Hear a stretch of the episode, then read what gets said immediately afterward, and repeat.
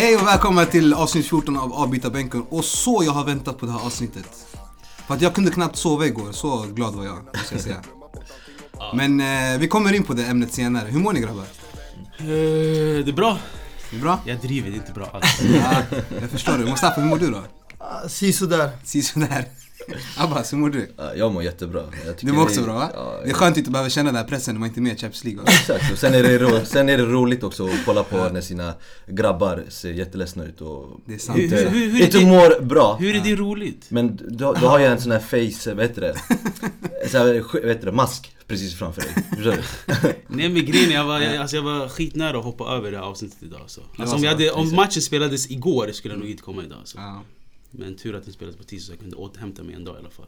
Vi kan ju berätta lite om uppställningen här. Vi har satt eh, jag och Abbas på en sida och eh, Mustafa och eh, Di- Dini på en sida. Vad var det här planerat? Vi har planerat. Det är loser-uppställningen tänkte jag. Hur, hur, hur, hur, är, hur är Abbas med winner? Abbas är winner bro, för han har alltid älskat Messi. Så jag tycker jag, jag accepterar honom. Eller vad säger Ja, du? jag håller med, absolut. I slutändan så kommer det bara finnas en winner. Och det kan i slutändan bli ingen av er. Ingen av oss. Sen finns det även en deprimerad skugga bakom Ja, er, så faktiskt. jag vill inte hamna i den skuggan, förstår du? Whatever guys! ja ja. I alla fall, vi kan väl eh, börja med att snacka lite om Jamie Carragher. Som hamnade lite i blåsväder. Blåsväder eller duschväder. alltså han duschade den här lilla flickan rejält alltså. Ja.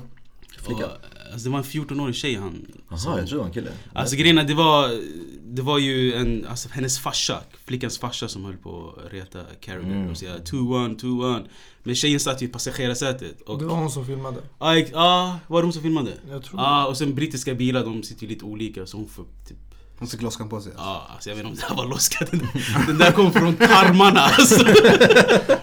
Men eh, han blev ju avstängd nu, eller hur? Hörde jag. Han blev avstängd av eh, Sky Sports eh, till slutet av den här säsongen i alla fall. Mm. Och det är väl eh, en reaktion på det, den kritik de har fått, eller han har fått i alla fall. Så de var ju tvungna att göra någonting känner jag. Alltså han är anställd av Viasat också, så och Viasat hörde jag de, eh, de ville vänta tills vidare Alltså hur Sky Sports skulle ställa sig. Så jag vet inte om han är sparkad från Viasat helt heller. Mm. Men eh, med all rätt att han stängs av tycker jag. Han har ju svarat själv också på situationen. Han sa ju I've made a big mistake and I accept full responsibility. I am the only person to blame for this uh, sorry situation. So please leave the family alone, säger han. Så att eh, han vet ju själv att han har gjort ett stort misstag och eh, det var ju, det är ju sådana tider man lever i, att mycket kan fångas på bild och film. Ja, ja. Exakt. Och kan förstöra folk på sekunder faktiskt. Ja precis, det är exakt det du säger. Vi lever ju i 2018 och nu, social, med tanke på de här sociala medierna, de snappar ju upp allting precis som du säger Yasser. Och då, blir, då blir det svårare för eh, Viasat och Sky Sport eh, att inte stänga av det, eh, liksom, honom. För det, det får ju jättestora reaktioner. Ja, det går ju inte att vara ord mot ord i, i sådana här fall nu när det finns, när man kan filma allt. Nej men grejen är alltså eh, Alltså egentligen spott Att spotta och så, det har varit med i fotbollen På något eller annat sätt. Jag tänker på Totti när han spottade på uh, Paulsen, var det eller hur? Nej, Men det var inne i planen, jag kan förstå det på något sätt. Man var frustrerad. Eh, Det var så han agerade, förstår du? Man adrenalin kickas igång. Samma sak när Zidane eh, headbutta Materazzi. Man kan ju förstå de här på visst sätt. Men när Jamie Carragher sitter i sin Range Rover och vevar ner rutan och spottar på någon som retas lite på honom. Det är, det är lite överdrivet. Men kan man inte se det på det sättet att han är väldigt, vad ska man kalla det, eh, engagerad? i sin klubb? Ja. Ja, med all rätt. Men du sitter i en kostym i Sky Sports och analyserar matcher och pratar hyggligt. Du kan inte hålla på så här. Det är en annan grej om du är en professionell fotbollsspelare. Ja, nej jag håller med alltså, det här, men Alltså på ett sätt, jag känner ändå, alltså vi alla är människor och eh, Det är lite, lite jag, tycker, jag tycker inte att man borde stänga av honom resten av säsongen, det tycker jag faktiskt inte Men alltså, för då, det är som du säger det- då kunde man stänga av spelare också Men jag tänker ju också på att det, är- det är en offentlig person mot andra liksom, människor som inte är eh, lika stora eller är med i gamet Ja, ja alltså grejen är jag tycker åtminstone han ska typ stängas av i något eller två år. Två år? Ja, eller okej, oj. något år eller någonting. Eller beroende, jag vet inte exakt hur länge. Oj. Men jag tycker Jamie Carragher är en bra eh, Analys. expert. Mm. Exakt. Och jag kollar alltid på här Monday Night Football när han är där och ska analysera och så. Mm. Så jag tycker det är synd om han ska lämna det där jobbet helt och hållet. Så en avstängning på några månader eller något år skulle räcka tror jag. Mm. Ja, likt Jamie Carragher så spottar vi oss vidare i dagens avsnitt då. Om vi börjar med den stora besvikelsen, i alla fall för eh, Premier League-fans. United. Som eh, fick eh, pisk av Sevilla på hemmaplan. Och det här var ju någonting som jag och du hade diskuterat in. Jag hade ju förutsett lite att eh, Sevilla skulle ge er en svår match. Men... Eh, ja, vad har du att säga Dini? Alltså... Alltså jag vet inte vart jag ska börja helt ärligt alltså. Mm. Grejen är... Vi må ha besegrat Chelsea, okej. Vi kom tillbaka från en 2-0 eh, underläge mot Crystal Palace. Vi vann mot Liverpool. Och sen går vi tillbaka och spelar på det här sättet mot Sevilla. Alltså... Jag kan inte förstå det. Grejen är... Lukaku var den enda som gav hjärta och energi. Och han har gjort det på senaste matcherna. Men folk kritiserar lagets attityd och inställning. Fair enough. Det är, det är en rättvis bedömning i en viss utsträckning. Men vår spelstil bidrar dock till det här. Alltså vi har några av de bäst, bästa offensiva spelarna i världen alltså. Men de blir uppmanade att försvara, försvara, försvara, försvara mot ett svagare lag. Och att ständigt spela oattraktiv fotboll.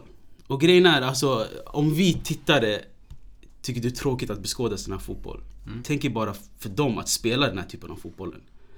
Alltså de har, alltså bokstavligt, de har tränat hela sitt liv för att slipa och eh, typ göra, alltså slipa på sitt spektakulära spelstil. Alla de här Pogba, Lukaku. Men sen när du kommer på lördagen och får höra Okej lads, eh, som eh, förra veckan, gå tillbaka till era zoner, försvara. Eh, och lägg bollen på den här stora killen bara, så kör vi. Hur är det motiverande? Alltså det, de här killarna, de har inte gått med på det här skitet. Förstår du vad jag menar? De här vill spela attraktiv fotboll. Okej jag förstår Pogba, han vill bli som en NBA-spelare för han det är alltid all about the show och entertainment. Och hur han promenerade på planen och knallade runt, det var patetiskt. Men jag kan inte blamea spelarna eh, Jag kan blamea spelarna till en viss gräns. Det är Mourinhos spelstil och hans försvarshjärna som har bidragit till det där i viss mån. Och det, och det som jag har sagt till dig länge Dini, jag tycker att Mourinhos eh, taktik är föråldrad och att den måste uppdateras. Och... Eh, jag vet inte, vad säger du Abbas? Du som känner Mourinho lite bättre än mig kanske. Mm. Ja, nej men alltså jag känner ju, jag har sagt det här också innan att jag tycker inte att det här är samma Mourinho som när han var under flera år, liksom under 2010, det talet där borta.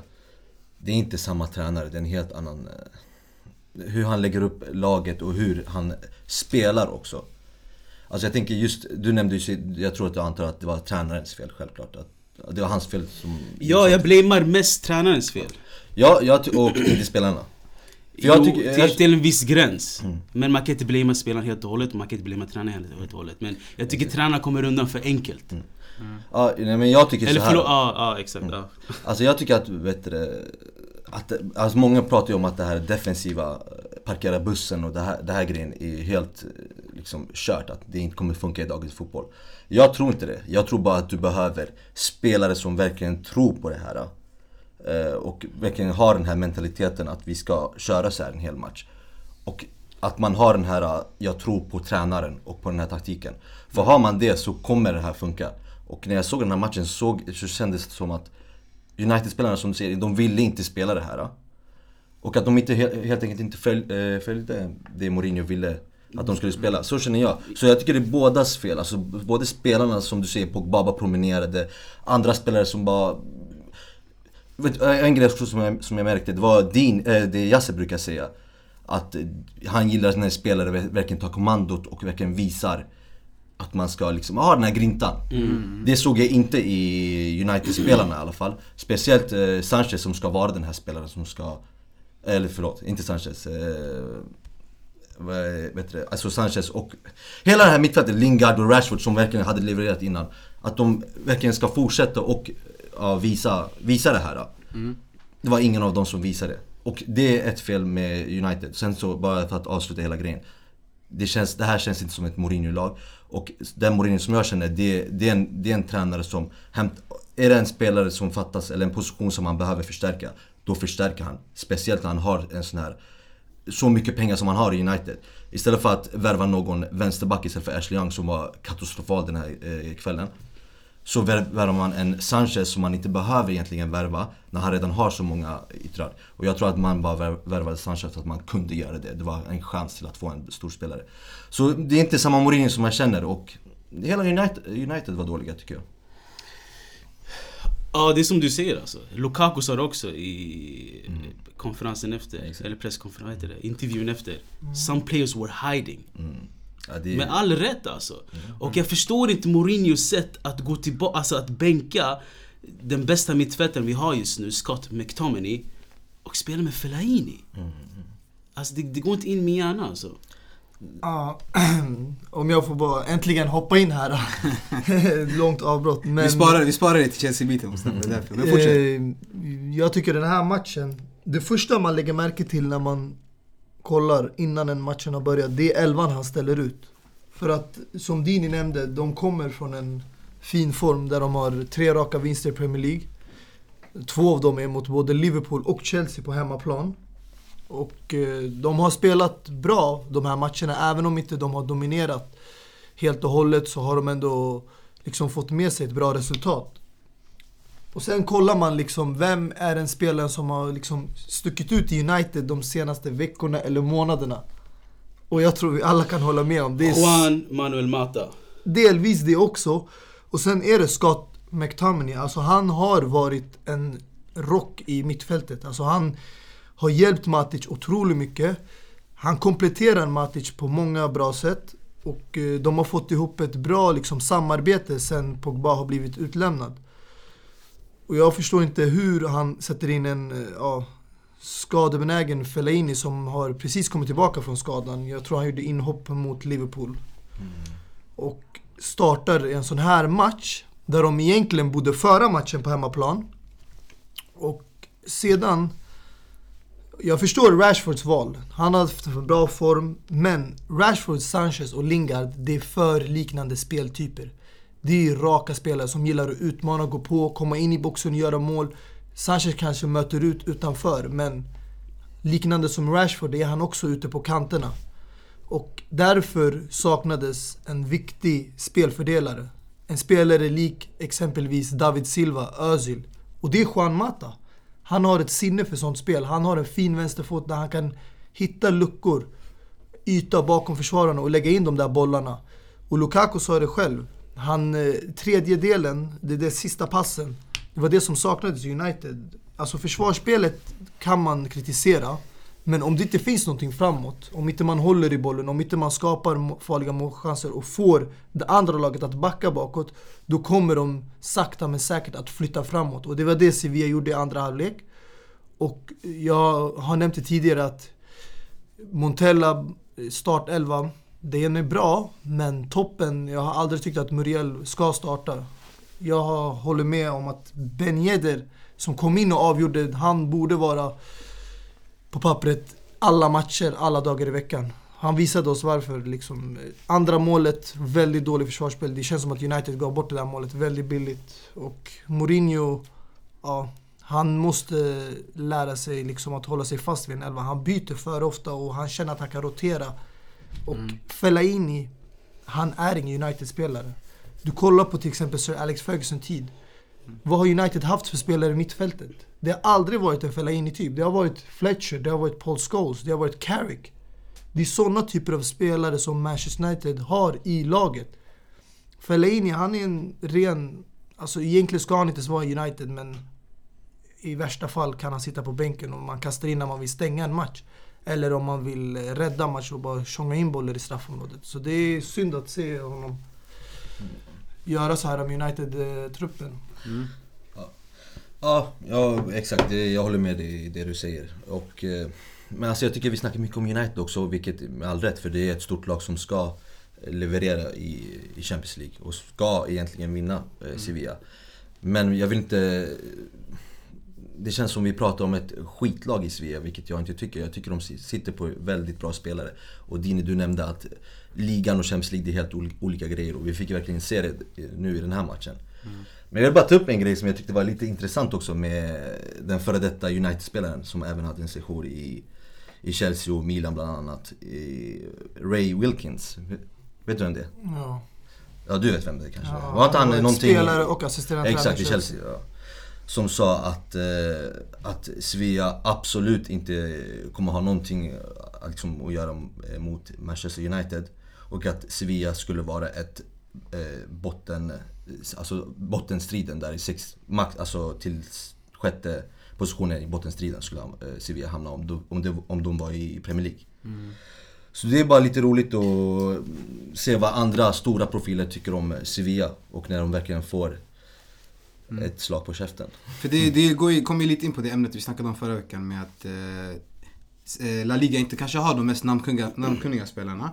Men ändå, spelet visar sitt liksom, tycker jag. Att de kommer med fräscha spelidéer och fräscha liksom taktiker. Och vill spela offensivt framåt. Vi såg ju, mittfältet har de ju bra spelare som Banega och Nzonzi. Men eh, annars är det inte så många namnkunniga måste jag säga. Värt att nämna är ju att Nzonzi är ju före detta Premier League-spelare. Mm. Som gjorde sig stor i Premier League. Mm. Så han kände igen lite hur man ska spela mot Premier League-lagen. Men om du kollar till exempel förra året.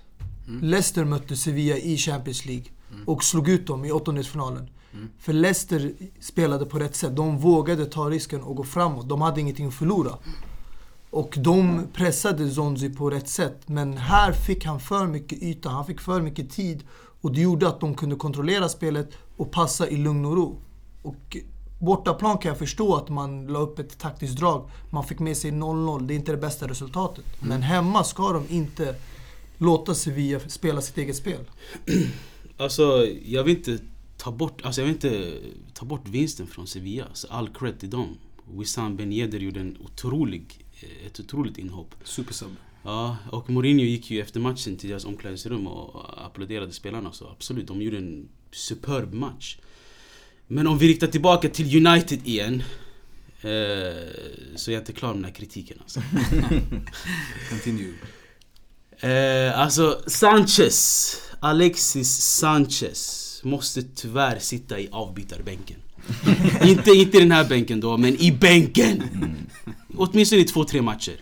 Så att han eh, liksom får känna av, okej jag, jag, jag, jag är inte given. För ingen ska vara given här. Vare sig det heter Cristiano Ronaldo eller Sanchez, eller om det heter Jesse Lingard eller Marcus Rashford. Du ska inte vara given om du är en dålig spelare. Alltså han har varit en besvikelse sen han satte sig på United-tröjan.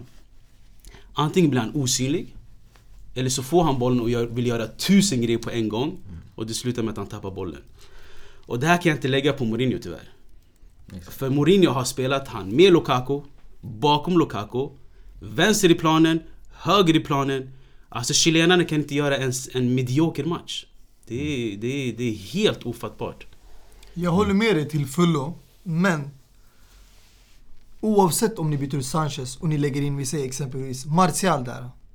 Det kommer fortfarande saknas en spelfördelare. Alltså om du kollar till exempel mot Liverpool, vinsten där.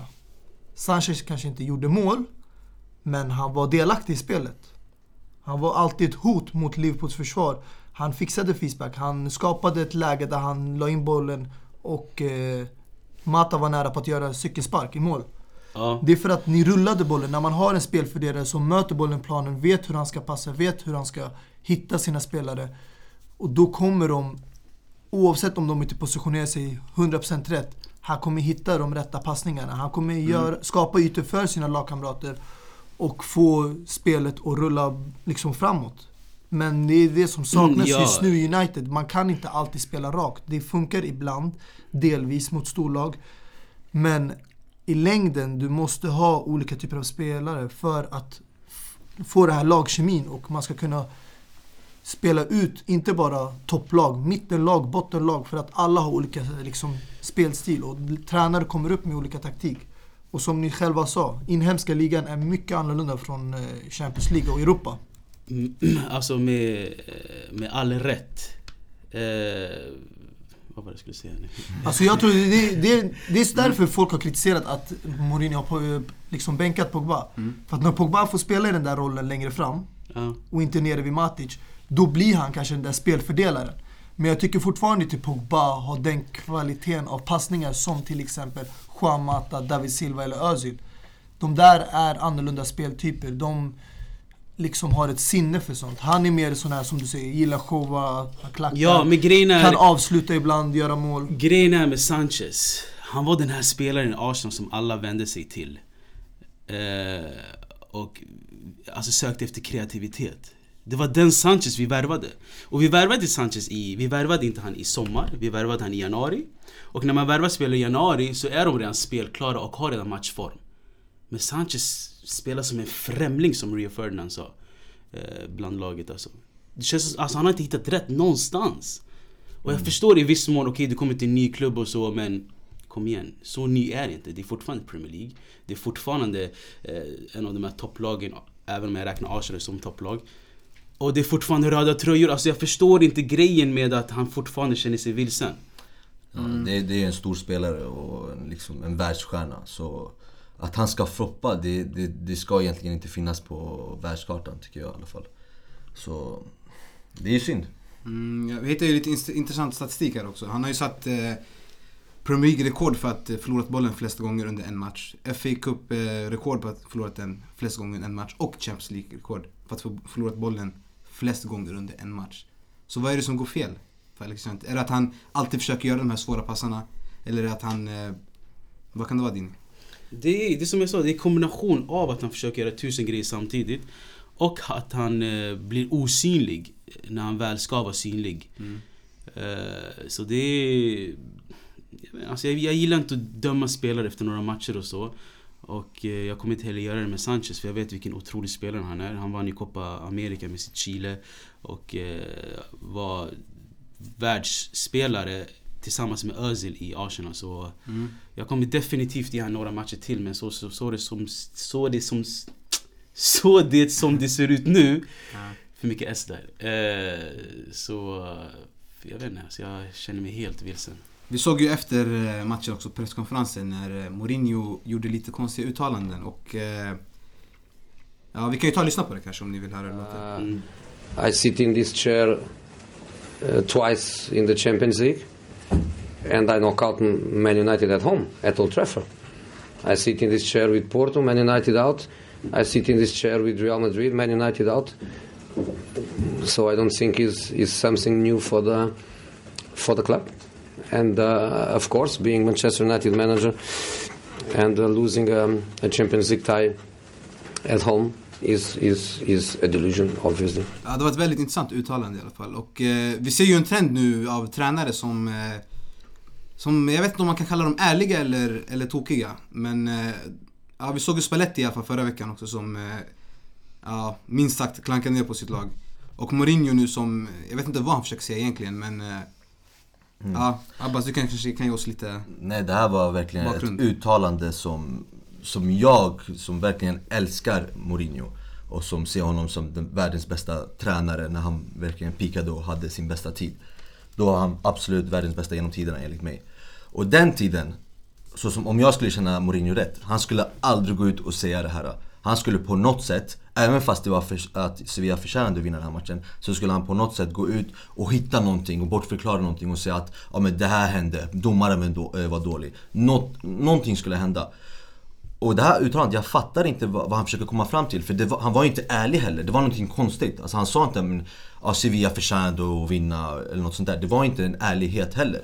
Det var, det, det var en sån här Typ så han, han ville skydda sig själv typ och säga men Att det är klubbens fel eller? Ja nej men nej, att klubben är van med att förlora, vilket jag inte heller fattar. Vad, vad försöker han komma fram till det? Att ja, United har åkt ut innan och det, det är ingen det, alltså det är inte första gången de förlorar liksom. De, de, det är så att de är vana med det. Mm. Och det uttalandet fattar jag inte, för alltså vadå? Real Madrid har ju åkt ut, vadå? De, de är ju väl vana med det också. Barcelona har åkt ut. De bästa lagen, alla lag åker ju ut eh, alltså när de när det väl händer. Så jag fattar inte vad han försöker komma fram till med det här och det är absolut inte den samma, samma Mourinho som man känner igen. Både hur han ställer, liksom, tar ut sitt lag och hur de spelar. Och sen även inte hur han är som person, liksom, när han pratar, för det är inte Mourinho-känsla liksom. Alltså jag tror, för första gången Mourinho hade ingen att klandra. Han kunde inte nämna domaren.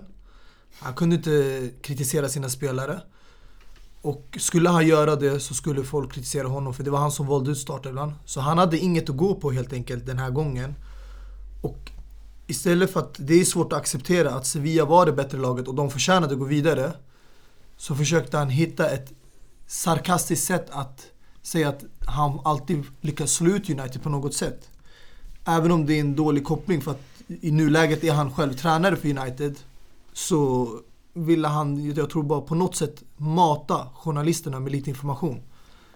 Och eh, ja, skapa någon eh, lite headline-rubrik där som de kanske kan prata om. Men i slutändan så vet ju alla att de var det sämre laget. De hade inga jättemålfarliga chanser. De dominerade inte spelet. Det var lite halvchanser.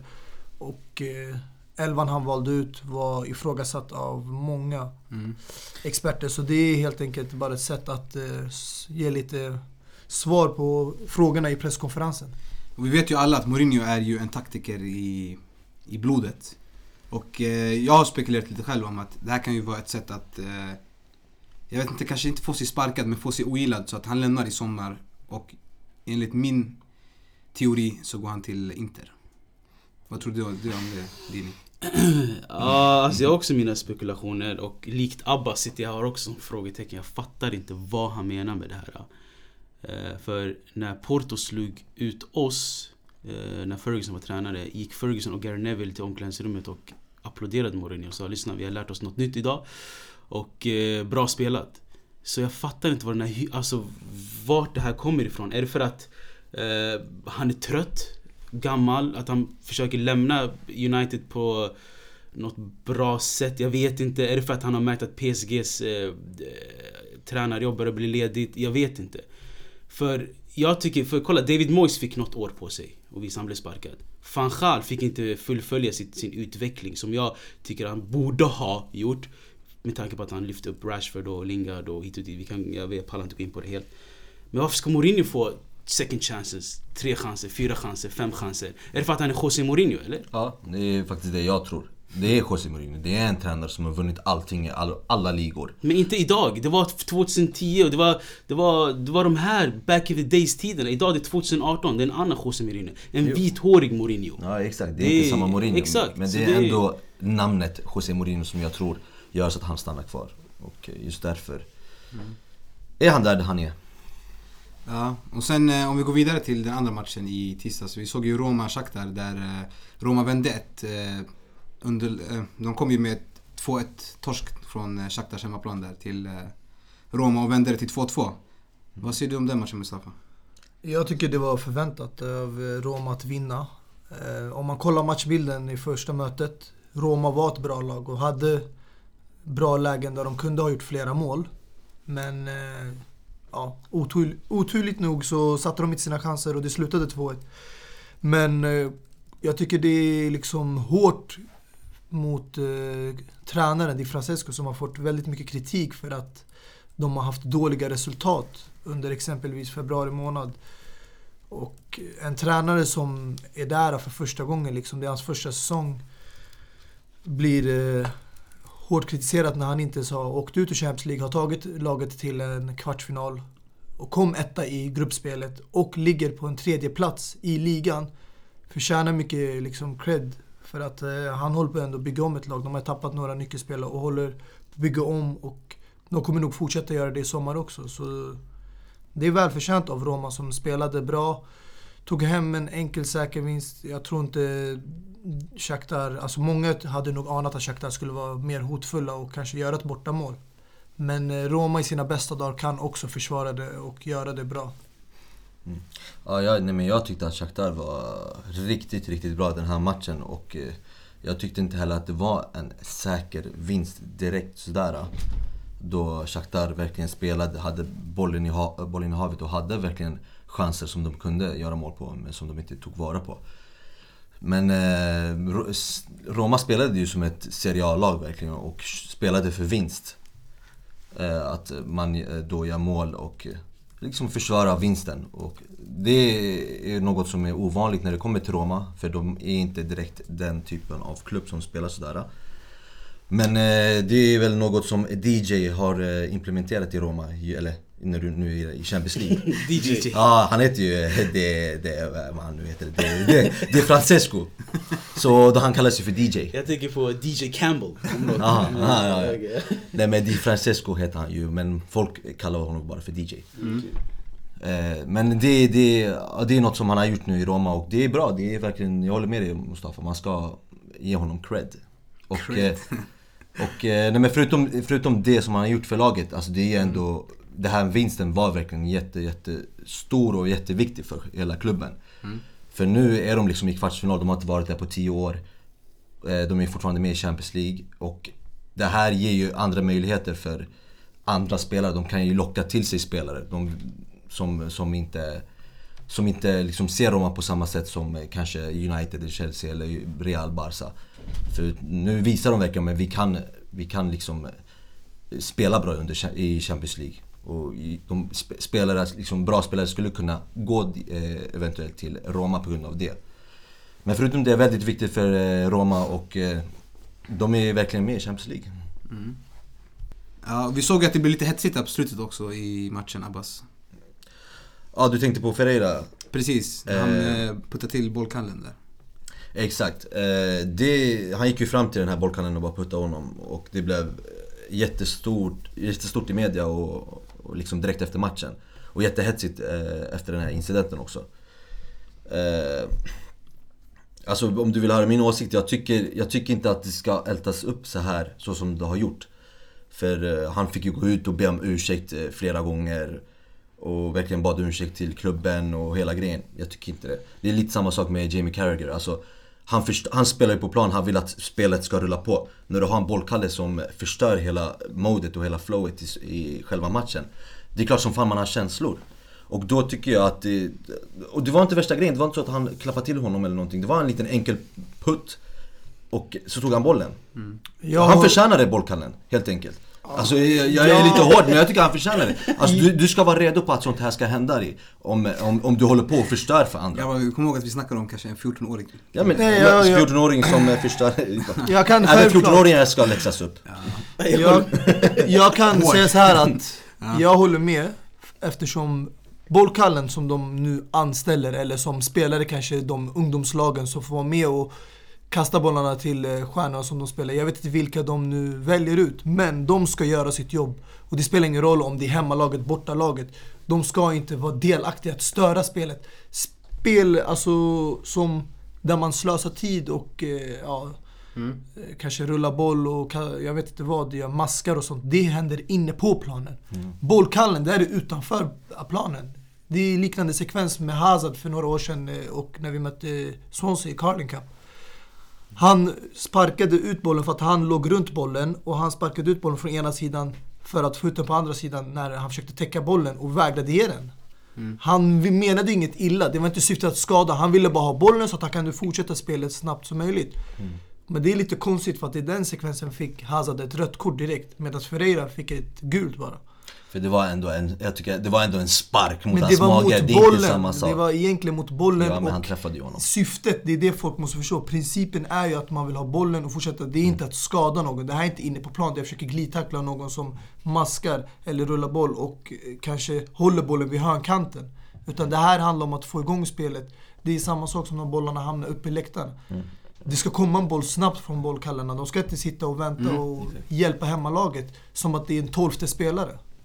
Ja, ja exakt. Ja, men jag håller med dig, exakt. Och det, jag tycker det är en skillnad i att om, om du ändå ska hålla på och förstöra för, för det andra laget. Man ser ju det nu också, alltså det finns ju vissa bollkallar som rullar en sakta till spelarna. Det är okej. Men i det här fallet, och i Hazards fall. Eh, okej, bollkallen vägrade ju ge honom boll, eh, ge spelarna bollen. Alltså han gav verkligen inte eh, liksom bollen. Hur ska han kunna fortsätta spela då? Det går inte. Det är klart han förtjänar en liten knuff eller något sånt där. Ja, jag gillar din hårdhet. Eh, vi såg ju matchen igår med Chelsea-Barca där eh, Courtois ben var öppnare än Wandas ben eh, Icardi hemma. vad, säger du om, eh, vad säger du om det här Mustafa? Jag tycker det är patetiskt uttalande. Men eh, eftersom du är så sugen på att höra mig prata och vad jag har att säga om den här matchen. Så ska jag den här gången låta Dini och Abbas Ja. säga vad de har att tycka om matchbilden. Så vi och börjar så med dem alltså? avslutar jag. Okej, intressant. Vem vill börja då grabbar? Eh, Jag fastnade på den här, hörru. Nummer ett, Ja. respektera Icardi, okej? Så där pratar man om sådär. Ja. Och matchbilden. Alltså det var en matchbild som var förväntad tycker jag. Så det var inte... Det var en, eh, på någorlunda sätt förväntad eh, första halvlek tycker jag. Där eh, Barcelona förde matchen eh, på ett Barcelona-sätt. Eh, hade bollen och Chelsea inledde de tre första minuterna på ett Chelsea-sätt. Det vill säga att man verkligen spelade defensivt och hade en någorlunda eh, buss där, var, eh, där bak i de tre första minuterna. Tills eh, Messi eh, dök fram och eh, tunnlade Courtois. Ja. Eh, Det går, ju var- även, det går ju även rykte om att Courtois sov med benen i kors i natt. Jag vet inte om det är... om det är ångesttankarna kanske. ja, det kanske det är. Men eh, bara för att gå tillbaka till matchen då Yasser. Ja, gärna. Eh, jag tycker ju att, eh, Bars, eh, att det var fel av Chelsea att gå in de, liksom, med den matchbilden de här tre första minuterna, att vi ska deffa. För det fick man se de här eh, första minuterna. Och det gjorde så att Barcelona fick spela och, och eh, ha 43 passningar utan att Chelsea fick röra bollen. Och med det så gjorde de mål på. Efter det här då, så fick man se ett helt annat Chelsea. Ett Chelsea som ville spela fotboll och ville attackera. Och matchbilden blev helt annorlunda. Chelsea, och det här är ett sätt som jag alltid tycker är mycket bättre när man, när man ska möta ett Chelsea, eller ett, eh, förlåt, ett Barcelona. Du ska inte deffa. Om du inte leder med en 2-0 vinst, om du inte leder med en 3-0 vinst, 3-1, någonstans där. Så Då är det okej att gå till eh, Camp Nou och deffa. Men är du, är du en sits där du, där s- alltså du, du måste göra ett mål För annars skadar det det om de gör bara ett mål då, då ska man inte deffa, för då kommer det löna sig till slut för Barcelona Och Chelsea hade det, det i de första minuterna som sagt Men Chelsea spelade ju upp sig och blev mycket, mycket bättre och eh, jag tycker ju också att de förtjänar eh, ett mål och lite cred för det. Men som sagt, även fast man spelar fotboll mot ett Barcelona Det kommer skada sig och vi fick även se det när Messi trollade, eller inte förlåt, inte trollade, trixade sig förbi eh, Och gjorde assisten Dembele som gjorde sitt första mål på 11 eller 12 matcher tror jag det var Och sen även gjorde ett, ett till mål, ett annat eh, tunnelmål. Så det, det Messi. jag, jag låter, ja, liksom analyserna och allt det här lämnar jag över till Dini nu Analysera oss vidare Dini. Alltså jag tänkte inte analysera alls men eh, okej. Eh, jag- alltså matchbilden i sig, jag tycker inte den var så förväntad som det var. För i överlag, Chelsea hade fyra ramträffar på två matcher. Eh, otur, tur, jag vet inte. Eh, de hade, vad är det, f- vad är det, Mustafa hjälp till här, 14 skott. Nej, faktiskt nio skott totalt. Skott men totalt. Eh, totalt sett, ja. Nio skott. Och eh, bollinnehavet som Barca är känt för, det var ganska jämnt här. Mm. Vad snackar vi? 53-47. 47 till eh, Chelseas favör. Och 53, eller vad säger jag? 53 till Barcas favör. Så jag menar, fy, vad, vad, blev, vad blev matchen? 4-1 i aggregate score. Det, det är inte en förväntad eh, matchbild enligt mig. Men Barca är Barca, Messi är Messi. Det kommer bli jävligt intressant att se när Messi lägger skorna på hyllan. Hur Barca kommer spela. Ja, eh, om ni frågar mig hur eh, jag upplevde den här kvällen, då måste jag säga att eh, jag måste ju börja med att Alltså Messi, vilken ledare alltså, tycker jag i alla fall. Alltså assisten till Dembele och så sprang han verkligen mot honom för att fira. Och eh, på tal om Dembele, han har verkligen visat sitt värde nu. De två senaste matcherna när han fick starta i ligan och nu i Champions League. Och gör sitt debut, debutmål för klubben. Det är... Och sen den här otroliga brytningen också i försvaret han gjorde Dembele. Mot eh, Alonso. Ja, det, alltså, var, Me- det var väldigt vackert. Messi är lika med Barcelona Ah, alltså. Dembele snackar om nu. Nej men allmänt, alltså, det, Ja. det var ju han som passade till Dembele och så.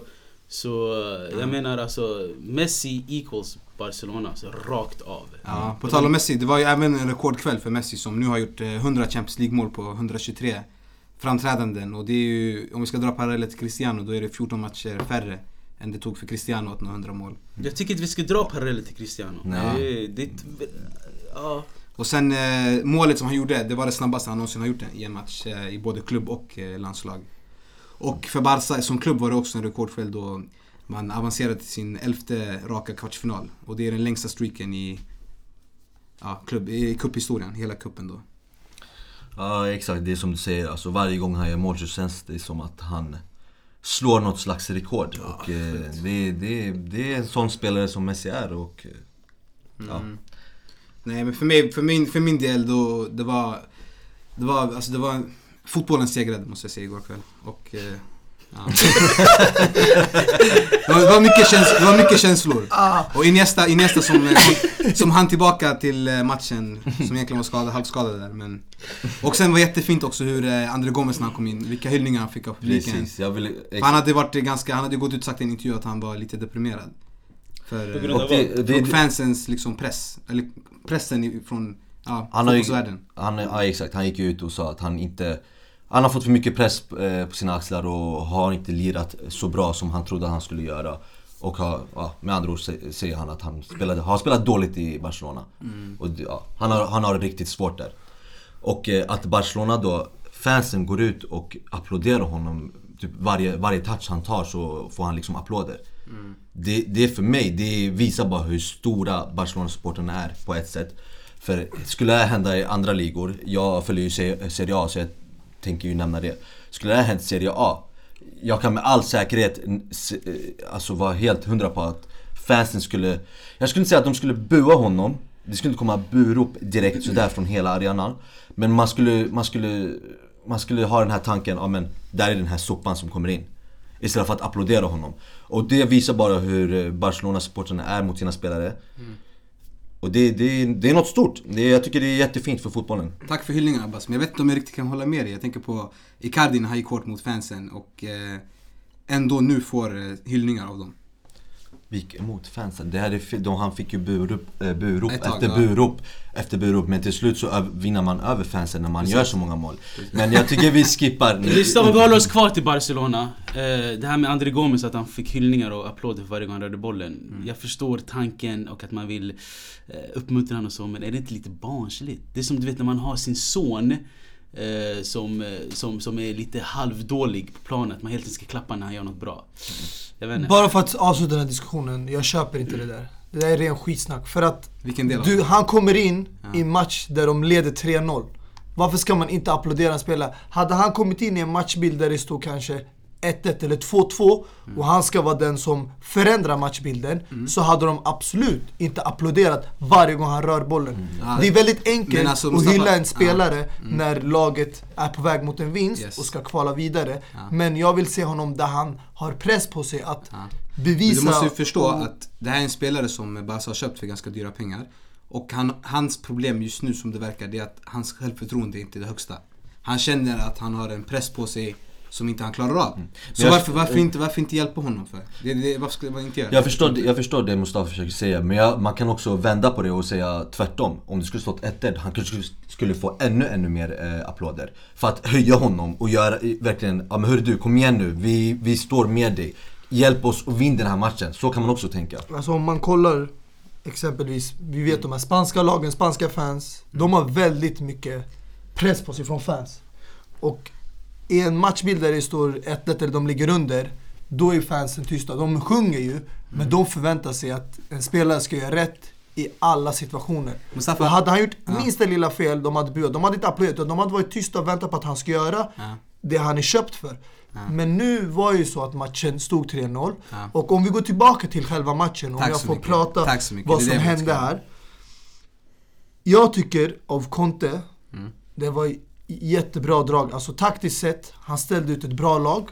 Han chockerade många med att ha Giroud från start, även mig. Jag trodde Morata skulle få starta framför Giroud. Men jag tror resten av fotbollsvärlden trodde han skulle lägga Hazard igen som en falsk nia, men han förvånar oss hela tiden.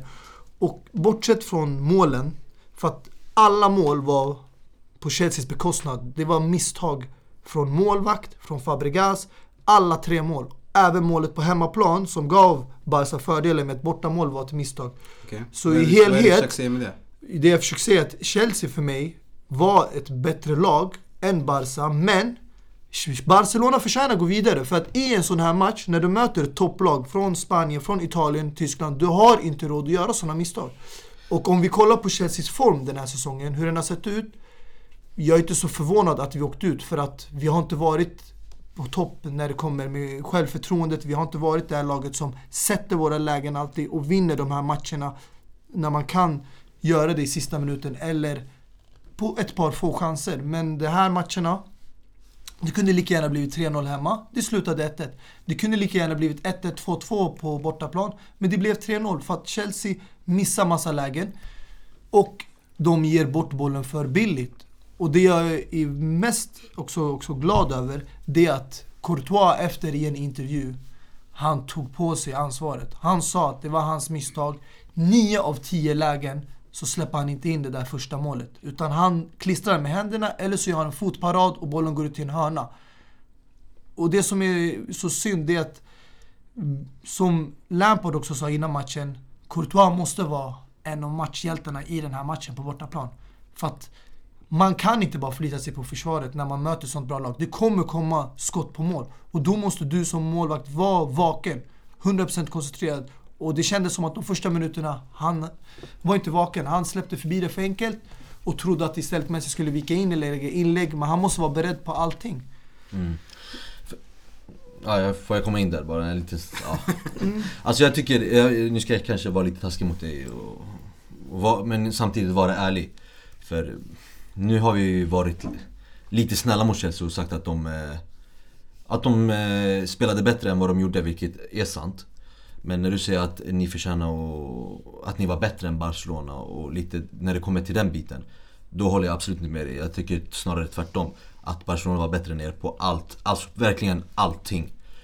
Enda skillnaden varför jag säger det här, det är på grund av att ni spelade sedan eh, på ett sätt som, som ni inte är vana med att spela och ni gjorde det bra när ni väl gjorde det.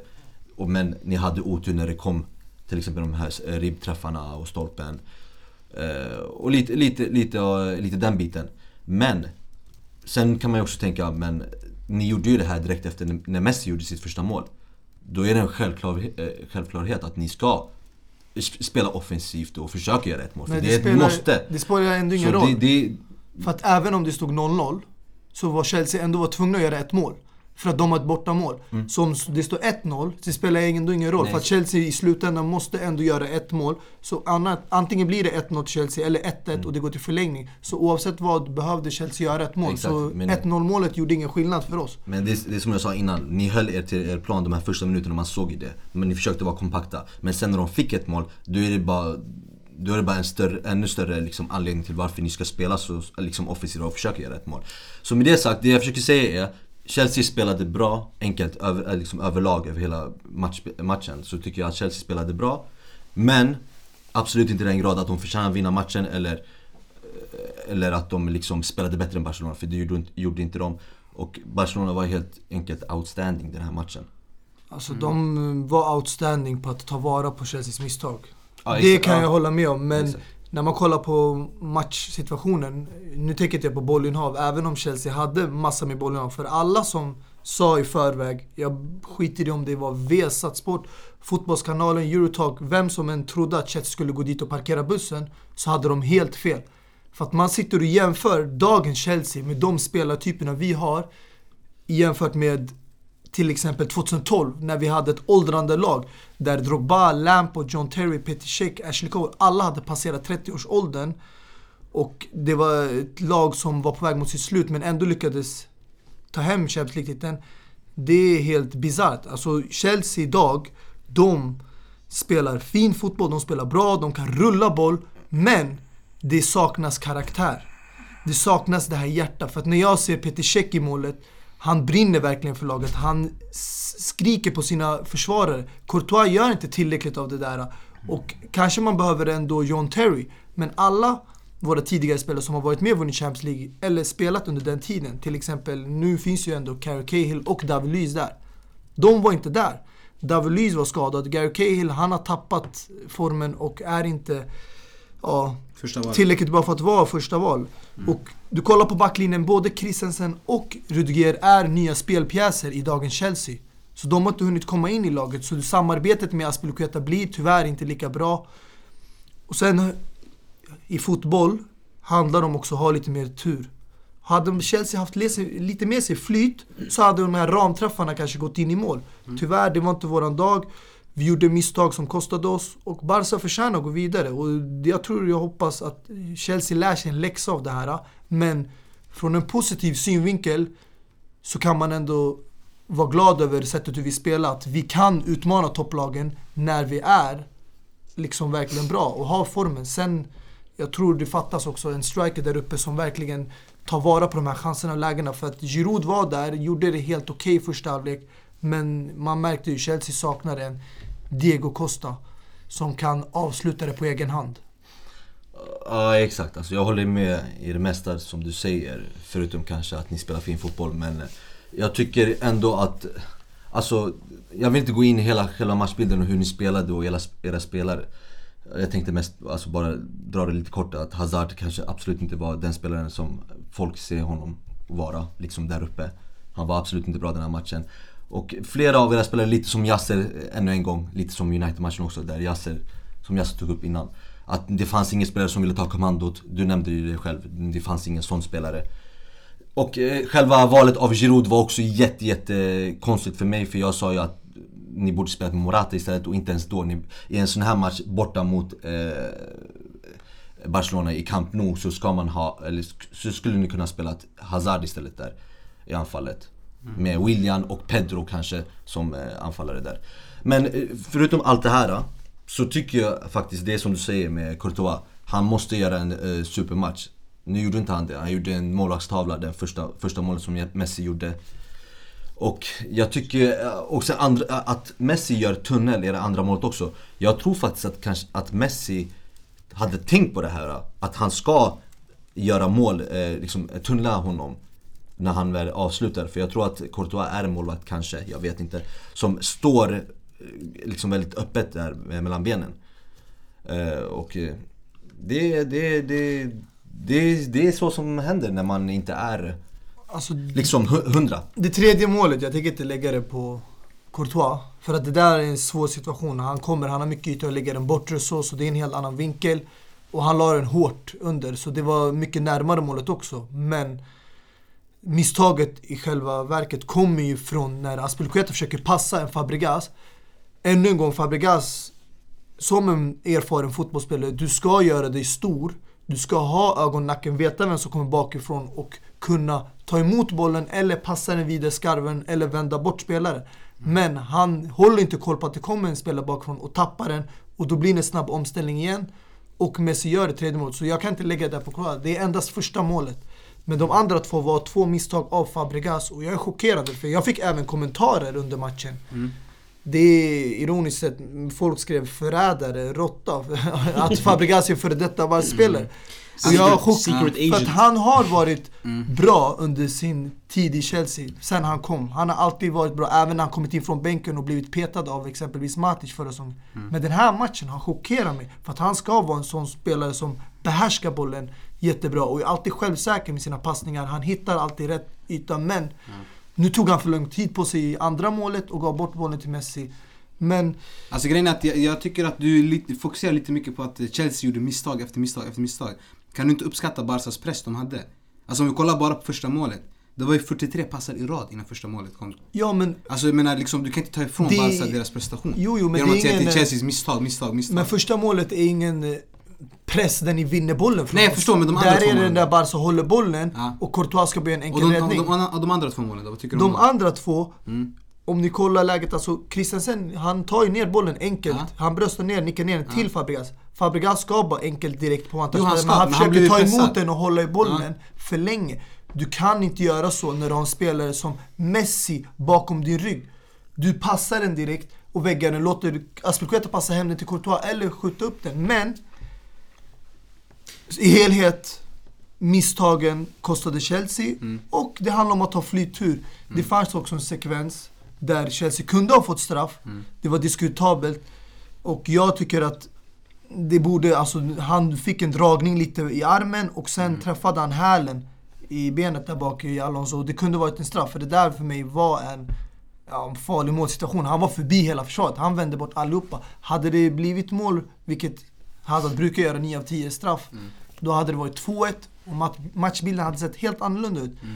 Men eh, det kommer fortfarande inte ta ifrån de misstagen Chelsea gjorde. Så man Ja. kan inte klandra det heller. Och där håller jag inte med dig heller om att eh, det skulle vara straff. Jag kan säga så här, om det hade varit straff, det hade inte varit en jätteskandal. Men jag tycker inte att det skulle vara straff. Och jag tycker domaren gjorde ett väldigt eh, modigt och korrekt beslut.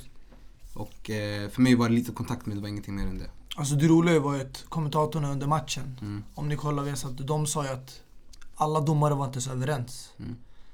För de är ju fem, det finns ju fjärde domare och sen han vid straffområdet. Mm. Och vissa tyckte att det var straff, men alla var inte överens.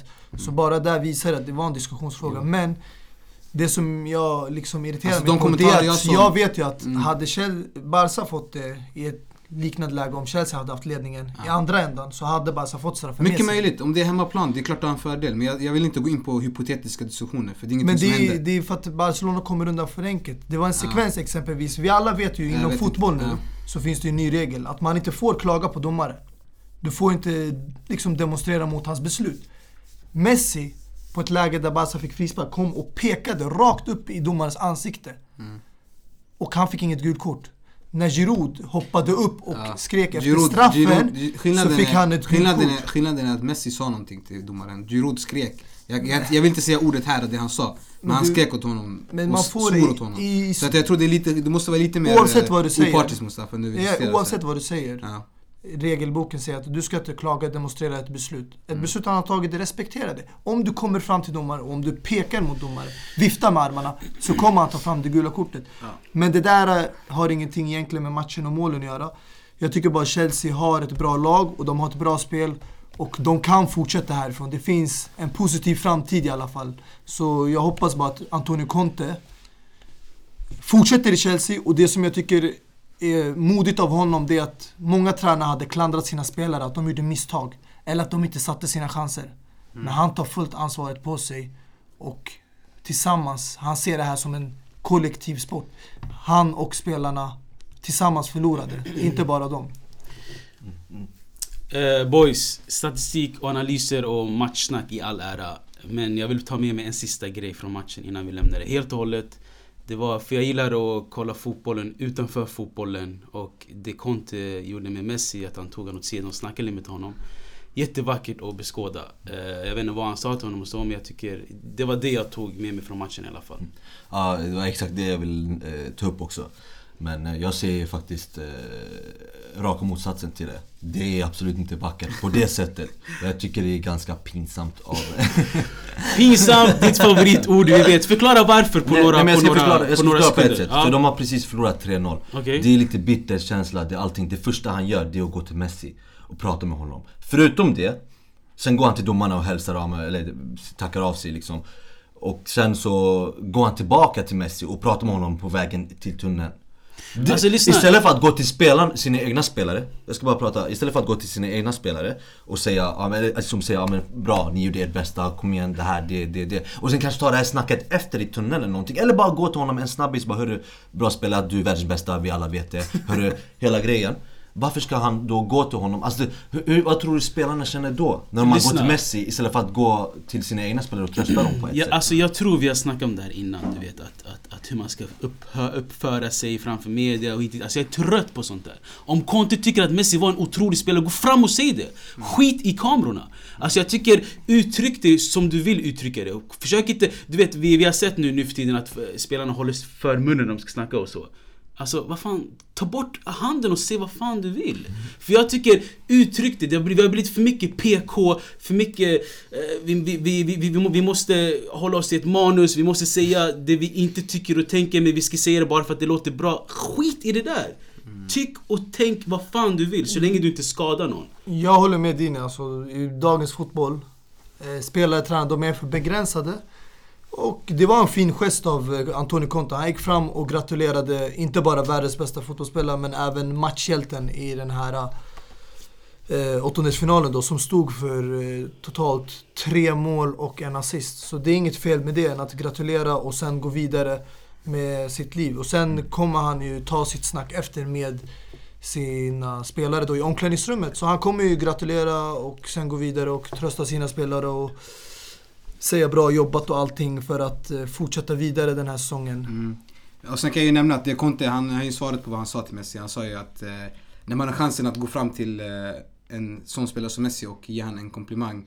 En då- super, super, super... en super, super toppspelare sa han till mig. Men Med all rätt, med tre all rätt. Så jag säger han att jag är glad att jag har chansen att ge han min komplimang. Ja, men det är och det ger mig, det ger mig en, en känsla, känsla av att han är en, liksom, en Barcelona-supporter liksom, som går fram till honom och bara Hörru, du är världens bästa eh, spelare och hela grejen. Speciellt i en match där han sänkte dig, för det är du som tog ut laget och sänkte dina egna spelare. När du säger Jag känner greatness, så här, när du säger jag säger inte att det är fel att recognize it. Ja men jag säger Men- så här, jag säger inte att det är fel att han går till Messi och eh, ger honom en eh, komplimang, absolut inte. Men på det sättet som han gör, istället för att gå till sina egna spelare och trösta dem och verkligen säga grabbar ni gjorde ert bästa och hela grejen Det fick man inte se och det vill jag hellre se än att han går fram till Messi Nej, alltså med all rätt att han sa så. För han har, man har slut på superlativ för Messi. Och eh, om, man, om man tycker att han var super, super, superbra, säg det. På tal om eh, super, super, super så har vi våra superlyssnare som har eh, skickat in ett par lyssnarfrågor. Och vi kan ju börja med Thomas från Segertorp som har skickat in en fråga där han säger Det ryktas om att Zlatan är på väg bort från United. Vilket lag vill ni se honom i? Eller är, det, är han slut som artist? Är det någon som vill eh, börja svara på den? Jag kan börja direkt med att eh, vi har ju pratat lite tidigare om Zlatans situation i United och huruvida hans framtid ser ut. Vi alla vet att han eh, är i en ålder där hans fotboll inte kommer att bli bättre. Utan den är på väg neråt så jag tror inte det finns någon klubb som kommer ta emot honom eh, inom Europa i alla fall. Inte en stor klubb i alla fall i toppligorna. Så för hans del, jag tror det är bara liksom packa väskorna. Om han vill tjäna den sista slant så kan han antingen åka till USA eller till Kina som har blivit väldigt aktuellt i nuläget. Mm. Ja, jag är väl lite inne i det spåret också. Att han är, vad är han nu, 36? Ja. Något sånt. Mhm. Eh, det är nu man går och tjänar ihop sina sista pensionpara. Eh, antingen åker till USA eller Kina. Men det här är Zlatan, det är ingen annan, annan vanlig anfallare. Det har ryktats lite om Napoli, det har ryktats lite här och där. Så jag skulle inte bli helt förvånad om han skulle bli en Napoli-spelare. För Maradona har spelat där. Jag vet inte. Han gillar Italien.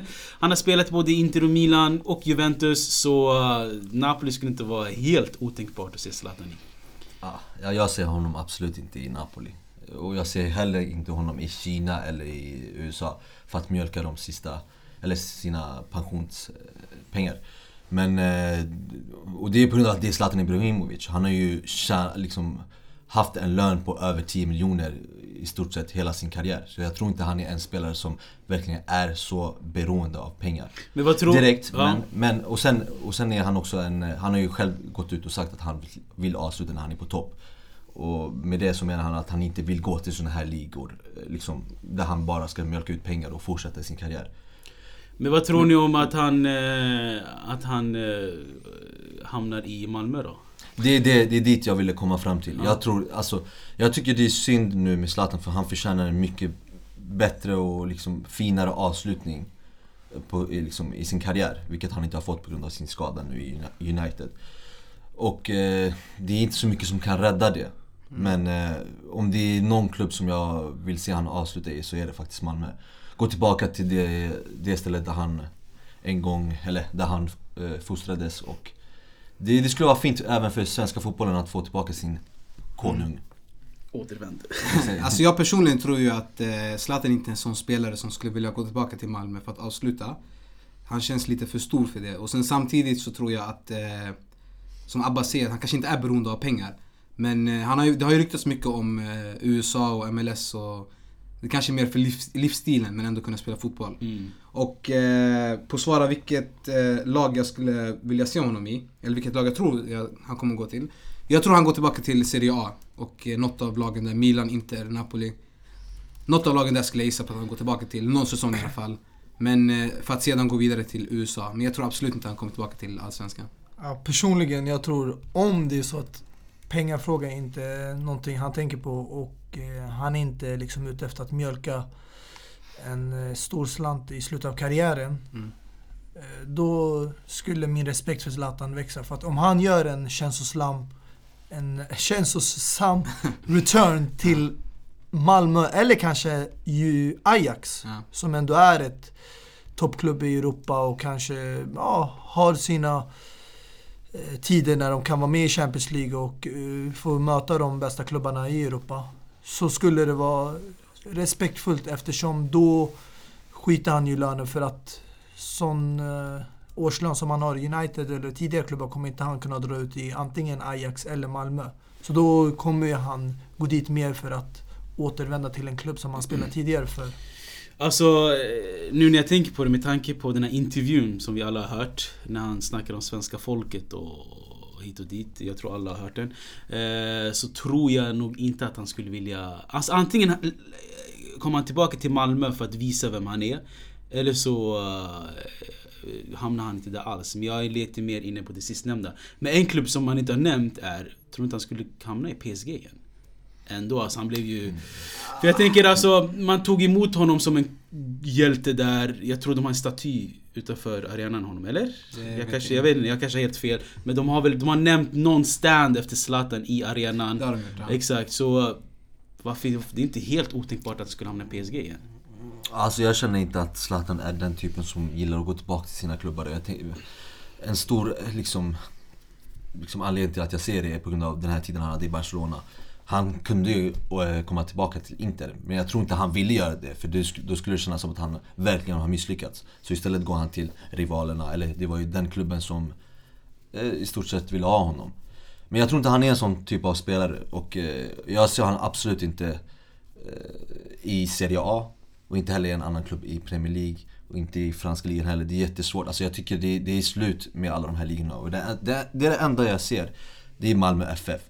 Och anledningen varför jag vill även att han ska gå tillbaka till Malmö, Malmö FF, det är på grund av det här som jag sa, att han går tillbaka till sina, sin eh, klubb, den klubben som uppfostrade honom och till Sverige, han kommer tillbaka till Sverige. Men förutom det så är Malmö även, de kommer ju med största sannolikhet vinna Allsvenskan.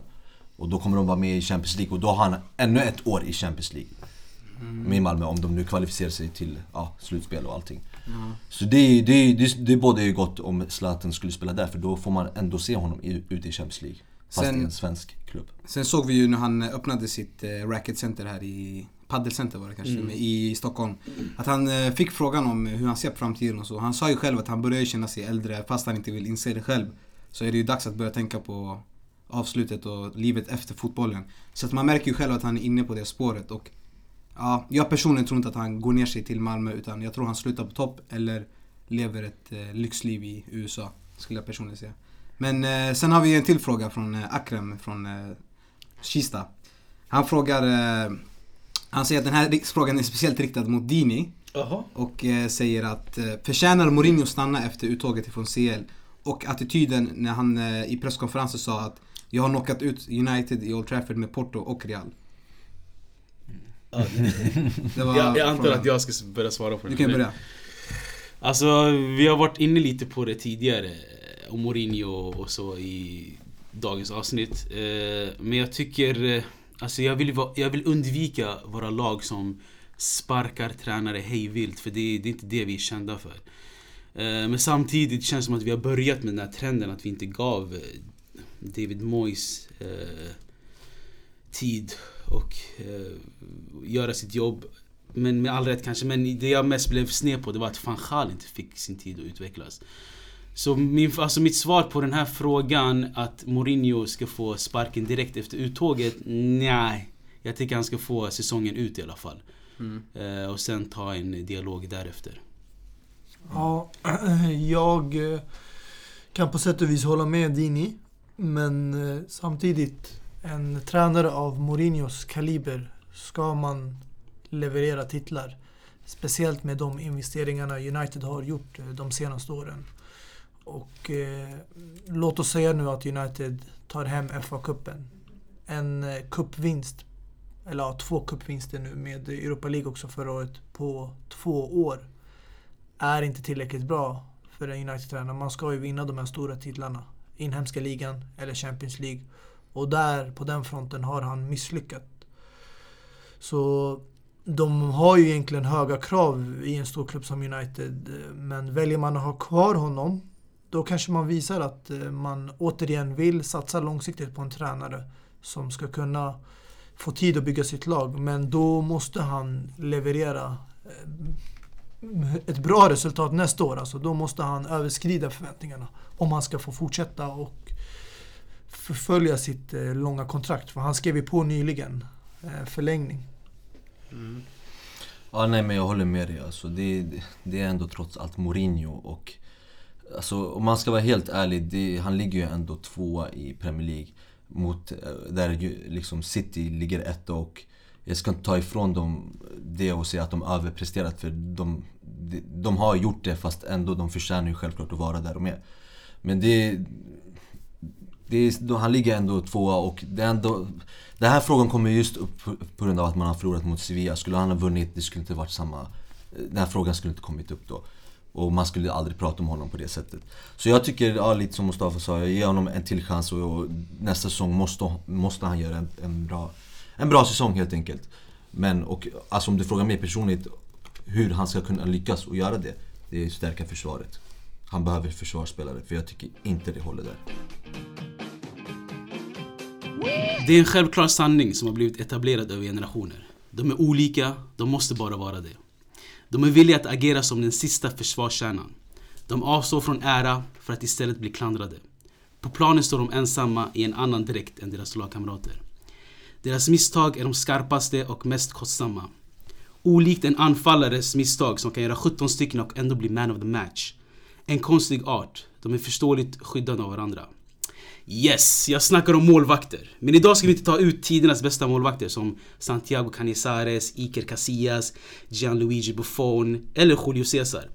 Idag riktar vi blickarna mot världens bästa andra målvakter som ska ta plats i vår bench Dior. Varsågod boys.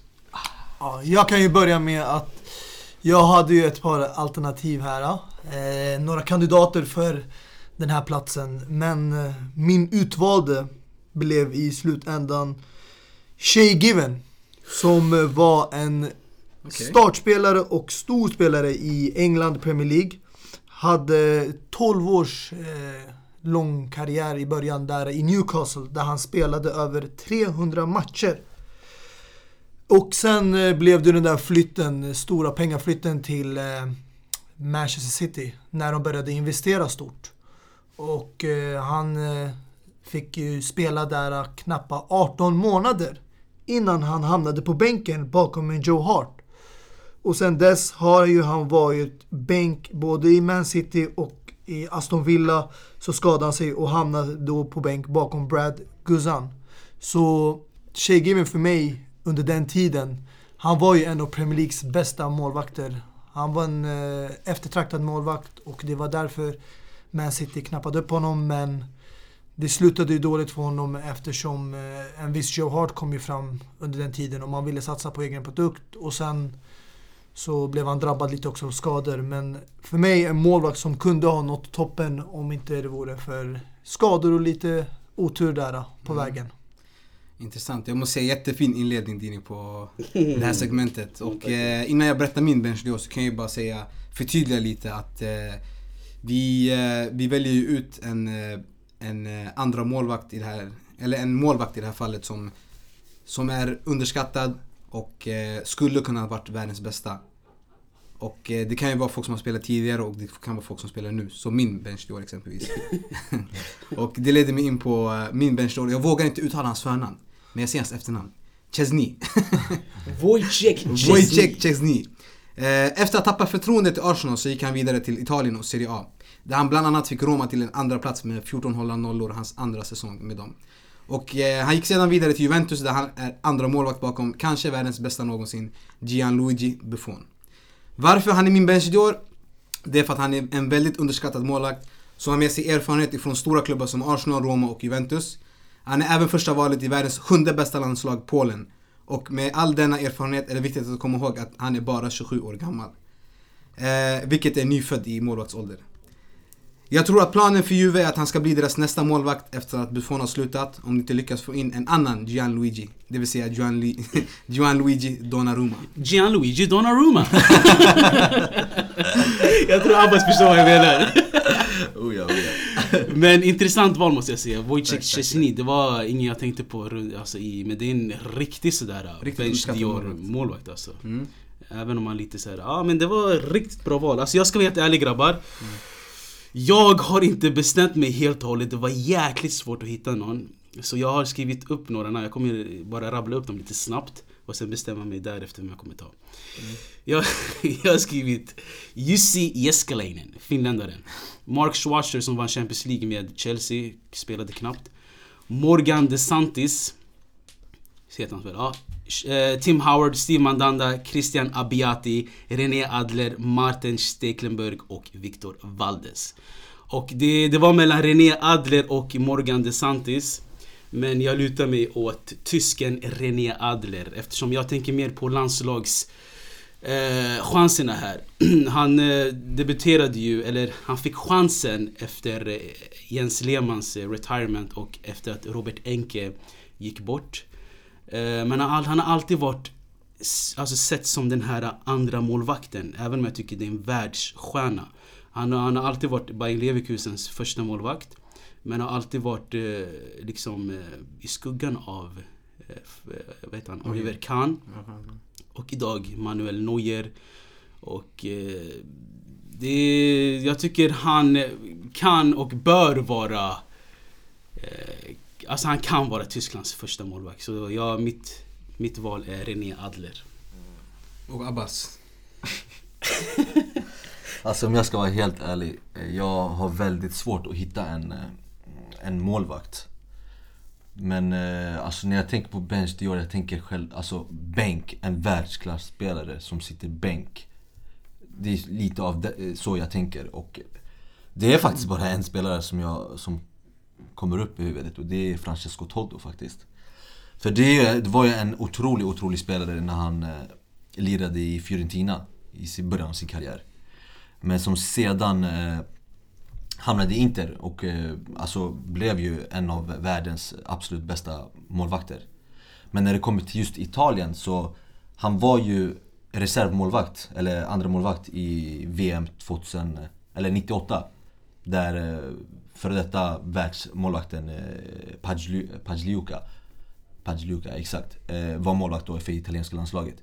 Men som sedan, eh, när han avslutade sin karriär så tog, eh, blev eh, Toldo den spelaren som skulle ta över efter honom och var under EM 2000 den liksom mest tongivande, eh, tongivande spelaren i själva landslaget. Och det, man måste också tänka på att det fanns jätte, jättemånga fina spelare under den tiden i Italien. Men ändå var det han som verkligen stack ut och som gjorde så att han tog Italien till, till eh, final EM 2000. Och det, det var ju också han som tog eh, liksom, straffarna när det var eh, Italien-Holland, liksom semifinalen. Eh, Där, alla, där han tog alla straffar förutom Kluivert. Den goda anfallaren. Men det fick, det gjorde, han gjorde så att Italien gick vidare till final som sedan de förlorade mot Frankrike. Men efter det, EM 2000, så har han alltid Alltså i Italien i alla fall, italienska landslaget, blivit den här andra målvakten Där Buffon har varit framför honom Och det, vi tänker Buffon, men Toldo, för de som kanske inte vet lika mycket om den tiden Han var ju även, alltså det var, han var ju minst lika stor som Buffon just den tiden Så att, de, att han var som en andra målvakt till Buffon, det, det visar bara på hur bra målvakt, eh, liksom målvakter Italien eh, hade under, under den tiden och eh, han var ju i liksom bänk där 2004, 2006 EM och, eh, och VM 2002. Så han var ju andra målvakt där. Men inte bara där blev han andra målvakten utan när Julio Cesar sedan kom in i Inter så blev Toldo andra målvakten där också. Och ja, det, det säger sig självt. Har du en Julio Cesar som även var, som blev världen, en av världens bästa målvakter så hade man även en Toldy som även var en av världens bästa spelare som reserv till honom. Så han var mestadels bänk under den tiden men en riktigt, riktigt bra spelare. Jag tycker det var faktiskt intressant att Dini tog upp Mark Schwarzer för att det där är en målvakt som har gjort över 100 landskamper i landslaget. Och eh, ända upp till 40-årsåldern så hade han ändå som en bänkspelare lyckats vinna Premier League, inte bara med Chelsea utan även med Leicester. Men eh, kunde inte även där peta en eh, Schmeichel då i målet. Så det var ett intressant val. En bra kandidat måste jag säga. Jag, hängde, jag hängde inte med där, Dini tog ju typ 20 stycken kandidater. Men Ja, Adler blev det slut eller? Ja, René Adler. Okej, men då har vi ju fyra. Adler, Shea Given. Så hur ska, jag får, Chesney. jag får bara fråga, hur ska vi göra? Ska vi rösta nu om vilken... Ska vi tillsammans komma fram till en Bench Dior 11? Eller ska vi ha varsin 4-11 och sen... Eh, Nej, jag tycker vi Röstar. tillsammans, vi röstar exakt. Jag tycker faktiskt vi har våra egna elvor. Nej. Så, blir så, för så kan vi lägga upp eh, bilder och så kan folk rösta vilken de tycker är den bästa elvan. Vad tycker ni? Alltså jag tycker vi, vi har en tillsammans Mm. och sen kan vi skriva vår, alltså de tre andra som inte kom med i som bubblare typ. Exakt. Så ska vi... Dags att rösta eller? All right, ja, eh, vilka var det spelarna? Det var. Chechny, Mm. eh, Toldo, eh, Shea Given och eh, René Adler. Ska vi köra så här att man inte får rösta på sin egen? Ja, det är Och att, ja det är väl typ det. Okej jag kan börja rösta. Så jag, jag röstar på Yassers val, Chechny. Din eh, Musse, vem röstar du på? Jag röstar också på Yassers val. Ja, det, här, är- det här är ganska avgjort alltså. Abbas. Ja, alltså innan jag valde Toldo så var Chesney den spelaren som jag egentligen ville välja. Men jag tycker inte... Jag tycker ändå inte... Vi, jag Jag vet, målvakt, är det var svårt, svårt att hitta. För men, det, är, det är ändå en elva vi ska sätta ihop och jag, jag skulle inte vilja ha Chesney just då som start. Vem vet, vi, kan, vi, vi Alltså, kanske har han- en i bänken som tar över Chechny sen i, i vet inte. Alltså, Just nu är vår nummer ett Chechny i alla fall. Abbas, du röstar på? Men då, jag röstar på Chesney också. Anledningen varför jag, jag valde Ja. honom, Mm. det är för att han var bänk under en kort period bakom Almunia ibland, i Arsenal. Mm. Och Chesney är en världsklassmålvakt. Han har bevisat det i Roma och han har bevisat det nu i Juventus när Buffon har varit Men skadad. grejen varför han inte blivit klassad som eh, världsklass, det är för att han gör de här tabbarna och han är lite såsig. Det är det. Han Han, är inte en stabil målvakt. Han har mognat, han mognat i Italien. Han hade ju 14 hållna nollor med, Mm. med Roma. Det var ju, de kom ju till en andra plats där den säsongen och jag tror han var, hade flest hållna nollor faktiskt i hela Italien. Serie A. Så att eh, han har ju mognat verkligen och eh, anledningen varför han är bänkad nu det är för att han sitter bakom Buffon liksom. Det är, vem kan peta Buffon? Det är ju... Ja, men jag kan ju lägga min sympatiröst i alla fall på Abbas måste jag säga. Det var en fin beskrivning. Ja, mm, ja. René Adler då? Ja, Adler, jag vet. Alltså, det är ju starkt att, att hamna i... Alltså Tyskland är ju kända för att ha bra målvakter. Mm. Så det är ju sant att han har ju ändå, att hamna bakom liksom, första målvakten det är ju starkt av honom. Men jag vet inte, jag har... Jag vet inte. Alltså han, är, han är lite, han är inte så kunnig heller så jag förstår. Jag eller han? Båda. Ja, okej. Men eh, ja, det börjar wrap it up alltså. Vad, vad händer helgen grabbar? Har ni någonting att se fram emot? Nej, ingenting specifikt. Det är ju inga matcher i Premier League. Bara några... Eller ja, det är kanske FA-cupen jag har mest koll på. För det är där det är avgörande nu i kvartsfinalerna som är mest intressanta för mig. Ja, det är inte så jätteintressanta matcher. Ligan är ju redan avgjord. Leicester City-Arsenal kanske är väl det intressantaste då. I ligan. Ja. Sen har vi ju, ja den är till och med uppskjuten ser jag. så det är inte Ja. något som händer. Men eh, Abbas, har du någonting du ser fram emot? Ja du, det, det är inga sprakande matcher i helgen men jag ser fram emot Sampdoria Inter. Ja, Liga 7 mot Liga 5 det är ju... Exakt, och det är en, det är en stor match. Det är en faktiskt stor match. Som man vill, som man vill se. Mm. Men eh, lite också Leicester och Chelsea, den matchen också. Fast den är uppskjuten. Nej, det är ju FA-cupen. FA-cupen. Ah, ja, Ja, exakt. okej, ja. Kvartsfinalen. Som spelas... FA-cupen. FA Cup. Det, eh, jag ska vara helt ärlig, jag ser fram emot en mer lugnare helg alltså. Mm. Vi, vi kom från en kaotisk och kaoshelg med mycket West Ham och, och Jamie Carragher spot. Så jag ser fram emot faktiskt en lugn helg. Jag hoppas Mm. vi, vi får den. Ja, jag ser även fram emot eh, Villarreal mot Atletico Madrid. Ja, det är en fin match. Det är en väldigt fin match jag vill verkligen se om Atletico Madrid kan fortsätta på den här eh, på den här vägen som de har tagit. Där de vinner match efter match. Och eh, mot ett Villarreal borta som har haft det lite svajigt men är Mm. i alla 2. fall bra och ligger faktiskt eh, på sjätte plats. Liga 2 mot Liga 6 det är ju Mm. intressant. Sen ska Eh. man ju inte missa Arsenal-Milan idag. Ja, det är ju... Ikväll när eh, returmötet spelas eh, får vi se om Gattuso kan eh, knäcka Arsvenger den här gången. Mm. Så det är ju en hektisk, eller ganska lugn helg kanske ska jag säga. Men eh, jag tänkte bland annat på att eh, vi har ju Champions League-lottningen imorgon för eh, kvartsfinalerna. Och nu har vi ju åtta lag kvar där. Bland annat tre från Spanien. Så har vi två från Italien, två från England och ett från Tyskland. Är det något lag, eh, eller några lag ni skulle vilja se i en drömfinal? Alltså drömfinal är kanske lite långt sikt att kolla på. Men kvartsfinaler, jag skulle helst inte se att eh, lag redan nu från samma land möter varandra. Nej. Eh, Det skulle vara roligt att se en blandning där kanske Roma får Sevilla, men jag skulle vilja se faktiskt en match mellan Real Madrid och Liverpool eller City. Där de får möta en av engelska lagen. Och sen hoppas jag kanske Ja, Tyskland, de har ju bara Bayern München kvar. Så det är, spelar ingen roll vem de får. Det är enda hoppet de har. Har du, ingen, har du inga två lag du skulle vilja se i en drömfinal? Final för mig, det skulle vara Bayern München mot Manchester City. Okej, intressant val. Vinny? En eh, drömfinal. Yes. Eh, jag skulle vilja se eh, Pep Guardiolas mannar mot uh, Valverdes. Det skulle vara en intressant final. Clash Ja, of the. Titans. Jag tänkte, jag tänkte lite mer samma sak där, men i en final så tror jag ändå att ett El Clasico skulle göra det så mycket, mycket, mycket större, känner jag faktiskt. Och det, det är faktiskt det man vill se. I en Champions League-final, jag tror så mycket känslor skulle komma upp bland de två. Diskutabelt världens bästa klubbar. Alright, men eh, det var allt från oss den här veckan och vi är tillbaka på måndag med lite mer färska analyser och eh, ja, det är typ det vi gör?